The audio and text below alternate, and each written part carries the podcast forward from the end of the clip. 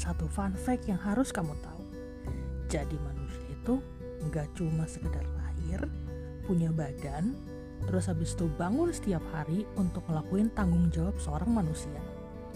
Karena menjalani hidup sebagai manusia itu nggak gampang, dan terkadang kalian pasti sering ngerasa lost dalam kehidupan.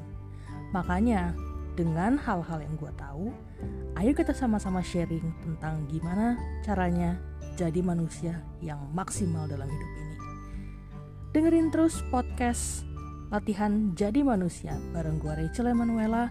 Mari kita sama-sama menjadi gagal, menjadi sukses, menjadi bahagia, menjadi sedih, menjadi seutuhnya manusia bersama-sama.